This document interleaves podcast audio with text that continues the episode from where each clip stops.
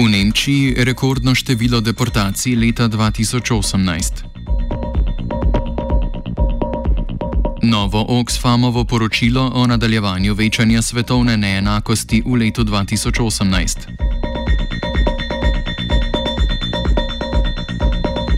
Ustavno sodišče v Demokratični republiki Kongo potrdilo Feliksa Cizekedija za zmagovalca predsedniških volitev.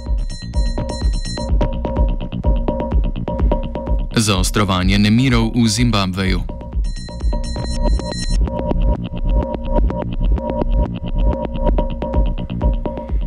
Nemčija je v letu 2018 postavila rekord v številu deportacij prosilcev za azil v druge države članice Evropske unije. Od januarja do novembra 2018 jih je namreč deportirala okoli 8500, kar je za približno petino več kot v letu 2017, ko jih je deportirala nekoliko več kot 7000 in s tem povečala njihovo število za 15 odstotkov glede na leto 2016. Deportacije potekajo na podlagi Dublinske uredbe, ki omogoča, da azilni postopek posameznega migranta poteka v tisti državi članici, v katero migrant prvo vstopi, oziroma v kateri je zabeleženo, da je vanjo najprej vstopil. Nemčija je lani največ prosilcev za azil deportirala v Italijo, medtem ko je v nezadovoljstvo nemškega notranjega ministrstva Grčija sprejela le pet vrnitev, ostale pa odklonila.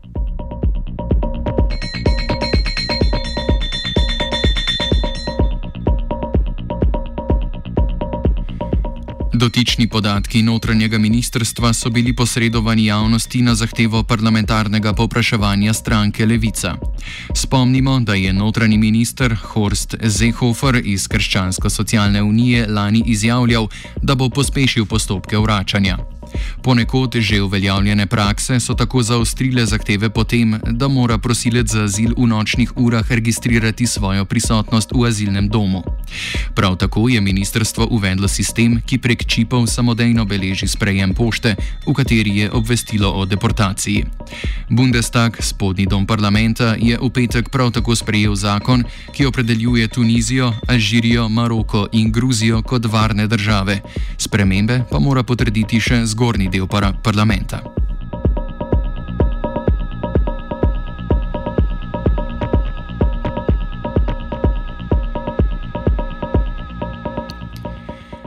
Avstrijska neprofitna organizacija NOIB je na avstrijsko sodišče vložila deset pritožb o kršenju splošne uredbe o varstvu podatkov oziroma GDPR, ki so ga zaznali pri osmih podjetjih, med katerimi so Amazon, Apple in Netflix.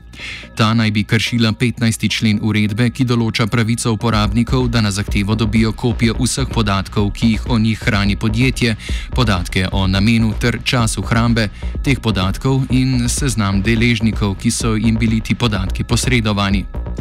Na zahtevo za pridobitev teh podatkov se nekatera podjetja niso odzvala, druga pa so posredovala nepopolne podatke. V nekaterih primerjih so bili podatki težko razumljivi in niso vsebovali informacije o času hrambe podatkov in o tem, katerim deležnikom so še bili posredovani. Kršitev člena določa globo v višini 20 milijonov evrov.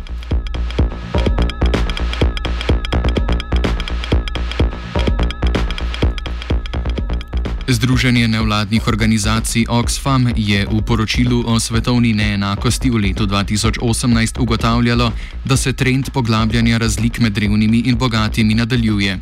Izsledke poročila pojasni Max Lawson iz Oxfama. Billionaires in the world, they grew richer by 2.5 billion dollars a day uh, over the last year. So over the whole year, um, almost a trillion dollars more wealth for the world's billionaires. There are about 2,200 billionaires. Uh, their wealth now is uh, of 2,200 people is five times bigger than the whole of Africa, the wealth of the whole continent. So you've got this incredible concentration of wealth in the hands of, of very few people. Meanwhile, the poorest people on the planet about 3.9 billion people, so half of the world's population, are living on less than uh, $5.50 a day. So, uh, living with hardly anything at all. Kot izpostavlja sogovornik, se je od finančne krize leta 2008 število milijarderjev podvojilo, prav tako pa se je podvojilo njihovo premoženje, medtem ko se plače v Evropski uniji večinoma stagnirale. Kakšne politike so vodile do trenutnega položaja? One of the big reasons billionaires are so rich is because they are paying lower rates of tax than they have done uh, in decades. In some countries, um, the top rate of income tax in some countries has more than halved in the last 30 years.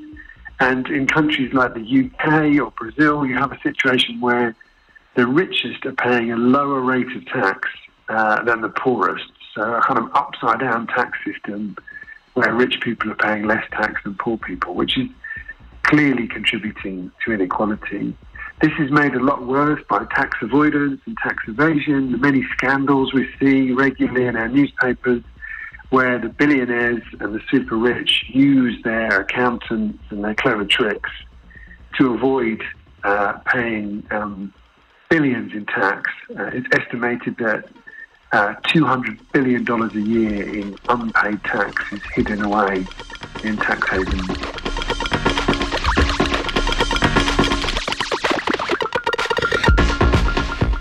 Prehajamo v Afriko. Izraelski premijer Benjamin Netanjahu je obiskal državo Čad, po obisku pa sporočil, da so diplomatske vezi med državama obnovljene. Netanjahu se je s čadskim predsednikom Idrisom Debijem pogovarjal o varnostnih temah, vendar nista pojasnila, ali so bili glede tega sklenjeni konkretni dogovori. Lani je sicer Reuters poročal, da je Izrael čadski vojski dobavil orožje in opremo za bojevanje z uporniki. Spomnimo, da je Čad med državami, ki se bojujejo zoper skupino Boko Haram. Država s pretežno muslimanskim prebivalstvom je prekinila diplomatske stike z Izraelom leta 1972 med arabsko-izraelskimi vojnami. Leta 2017 je na varnostni konferenci v Liberiji Netanjahu izjavil, da bo prizadevanje za izboljšanje stikov z afriškimi državami prednostna naloga.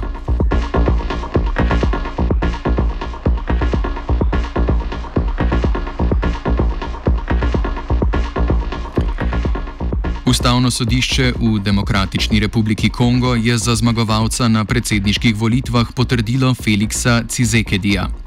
S tem je zavrnilo obtožbe tekmeca Martina Fajulje, Fajuluja, ki je obtožil zmagovalca, da je zmagal zaradi dogovora s predhodnim predsednikom Jozefom Kabilo. Slednji je na položaju predsednika od leta 2001, ko je predsedniški stolček prevzel od svojega očeta. Po obtožbah tekmeca naj bi se ta dogovarjal o podpori sedaj proglašenim zmagovalcem, ko se je kandidatu vladajoče stranke obetal poraz. Zmagovalec naj bi sicer zmagal z 38 odstotki glasov, a so nekateri mediji v Kongu objavili rezultate, ki sedanjemu poražencu pripisujejo vidno zmago. Po razsodbi so oblasti v Kongu ponovno omogočile uporabo interneta, ki so ga blokirale 31. decembra zaradi nevarnosti objave domnevno neresničnih volilnih volilnih izidov. Po razsodbi je delegacija Afriške unije odpovedala svoj obisk, ki je bil med drugim namenjen pogovoru o tamkajšnji krizi.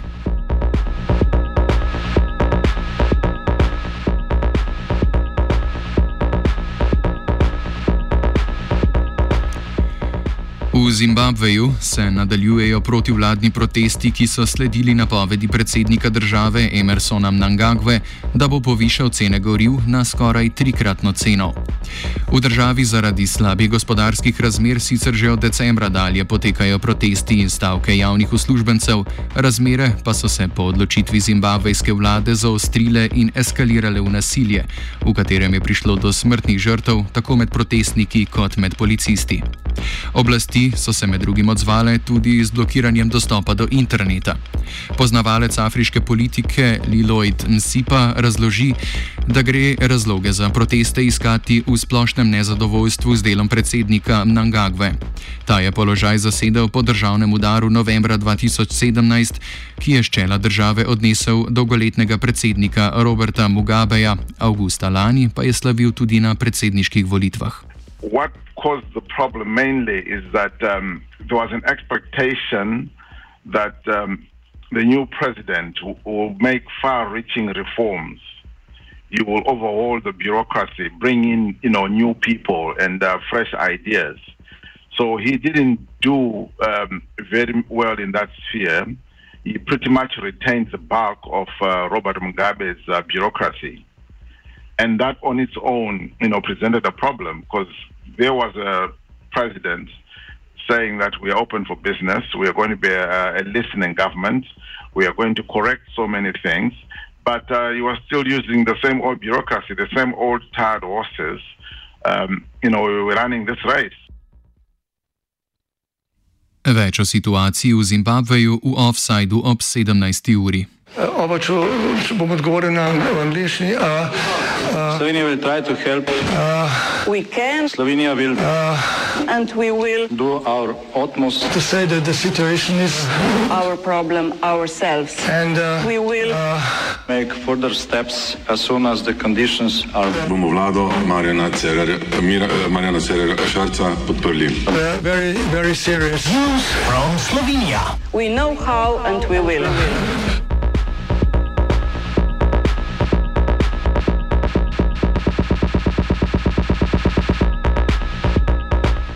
Ministrstvo za infrastrukturo je sprožilo postopek razlastitve podjetja Grafist, kot poroča časnik Primorske novice.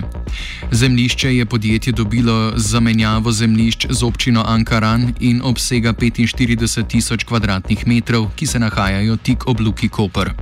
Možnost razlastitve zemlišča je mogoča zaradi spremembe pomorskega zakonika leta 2017, v času, ko se je prejšnja vlada Mira Cerarja pogovarjala o mačarskem uložku v drugi tir v zameno za območje luških zemljišč. Zemljišče je hotela najeti Luka Koper, ker se podjetje ni dogovorilo z ministrstvom za prodajo, pa je ministrstvo šlo v postopek razlastitve. Postopek naj bi po besedah ministrstva začeli leta 2017, ko je bilo zemljišče še v lasti občine Ankaran.